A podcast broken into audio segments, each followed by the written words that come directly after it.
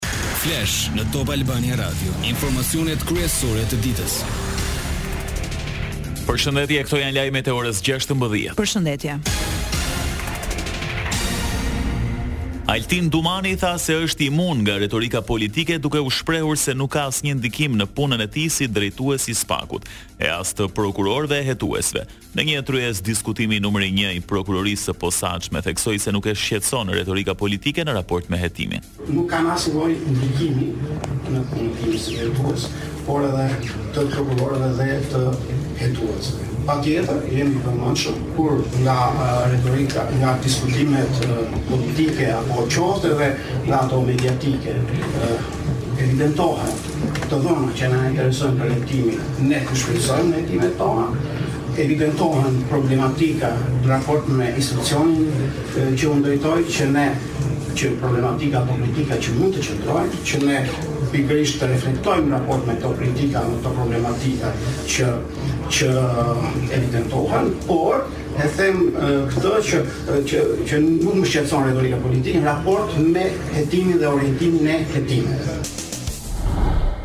Sa i përket çështjeve me natyrë korruptive apo të tenderave, kryeprokurori special vuri në dukje se janë të vështira për t'u hetuar. Çështjet e korrupsionit kërkojnë kohë, me teknika speciale të hetimit. Nuk mund të krahasoj një çështje që hetojmë ne me një çështje të prokurorive të juridiksionit të përgjithshëm, Nuk duhet t'i mëshojmë shumë çështjes sasiore, tha Altin Dumani. Protestë para SPAK-ut është hapi i radhës i Sali Berishës, ndërsa nesër Kuvendi voton heqjen e imunitetit për t'i hapur rrugë arrestimit të tij. Këta nuk janë prokurorë, janë grabitës dhe plaçkitës të djersës, mundit tuaj. Zgjidhja vjen nga protesta juaj para këtij institucioni që funksionon në mënyrë absolute njëlloj si dikur Hetuesitë e sigurimit të shtetit. Por dijeni protestohet në gjithë botën para padrejtësive të organeve të drejtësisë. Gjëja më normale protesta është bile është e vonuar. Protesta e të enjtes mund të ketë të papritura me sloganin o sot o kurrë, por nëse do të ketë zhvendosje të saj drejt prokurorisë së posaçme këtë Berisha do ua lërë në dorë demokratëve. Cili është itinerari i protestës Atë unë nuk e di. Ne ecim me një program diskret. Në kohën e duhur do e merrni vesh. Kudo do jem unë. Pantotenik. Në sallë, jashtë salle, tek qytetarët dhe kudo. Në betejë. Betejë pa kthim. Ashtu siç paralajmëroi edhe Top Channel Berisha nuk përjashton kthimin e selisë blu në qelinë e tij për arrestin shtëpiak, por vendimin përfundimtar do e marrë vetëm me këshillimin e avokatëve, gjithmonë me qëllimin që të mos heqë dorë nga drejtimi i Partisë Demokratike. Nesër Shqipëria renditet me vendet që arrestojnë liderin e opozitës. Nuk kanë heq dorë ata nga drejtimi i opozitës, përkundrazi po e drejtojnë dhe fuqishëm dhe unë do e drejtoj me vendosmëri drejt fitores këte opozitë. Ju njohim tani me një lajm të fundit, Gjykata Kushtetuese rrëzoi kërkesën e deputetëve demokratë të cilët kërkuan pezullimin e vendimit të GKKO-së. për masën shtrënguese ndaj Sali Berishës e për rrjedhojë edhe pezullimin e arrestimit të tij.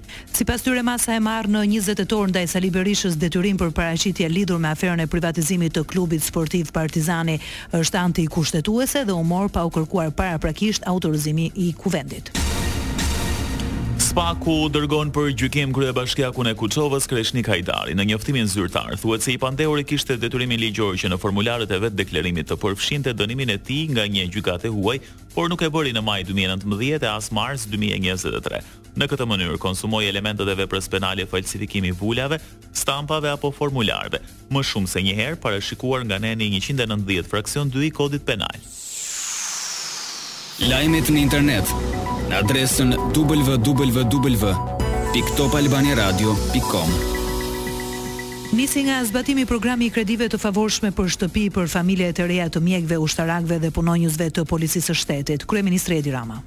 Sot interesat bankare janë mbi gjashtë për qind. Janë shumë për dikë që ka vetëm një pagë. Dhe për më tepër, nuk është e lehtë për bankat që ta japin këtë kredi duke pasë parasysh perspektivën. Ndërsa, duke pasur këtë kredi me.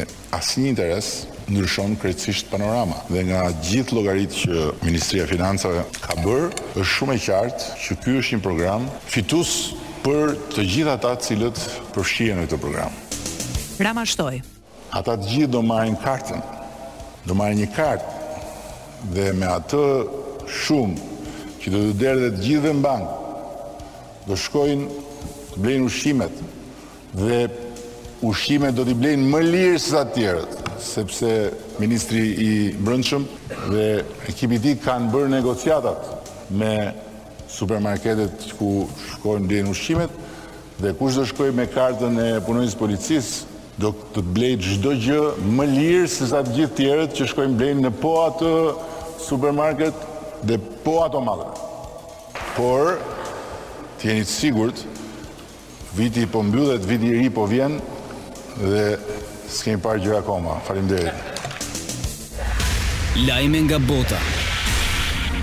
Parlamenti Europian dhe Këshilli i BE-së arritën marrëveshje për Paktin mbi Emigracionin dhe Azilin. Nënkryetari i Komisionit Margaritis Schinas tha se hodhën pas hap përpara në pesë shtyllat kryesore të Paktit. Ndërkaq, shefja e Komisionit Europian Ursula von der Leyen u shpreh se europianët do të vendosin se kush do të vijë e kush do të qëndrojë në Bashkimin Europian, jo trafikantët.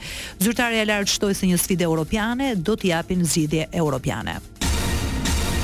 Britania iu përgjigj negativisht dëshirës së Presidentes von der Leyen kthimin e mundshëm të Mbretërisë së Bashkuar në Bashkimin Evropian. Sekretari i Jashtëm David Cameron tha se Britania e Madhe bëri zgjedhjen e saj në referendum dhe zgjodhi miqësinë e partneritetin me Unionin, jo anëtarësinë.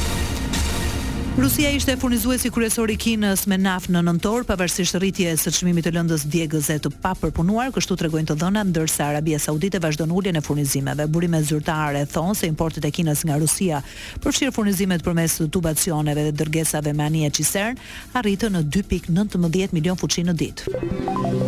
Parashikimi i motit. Edhe orët në vijim, vendi ynë do të vijojë të ndikohet nga kushte atmosferike të qëndrueshme si rezultat i masave ajrore të ftohta dhe të thata me origjinë veriore. Moti vijon i kthjellët, temperaturat variojnë nga minus katër në pesëmbëdhjetë gradë Celsius.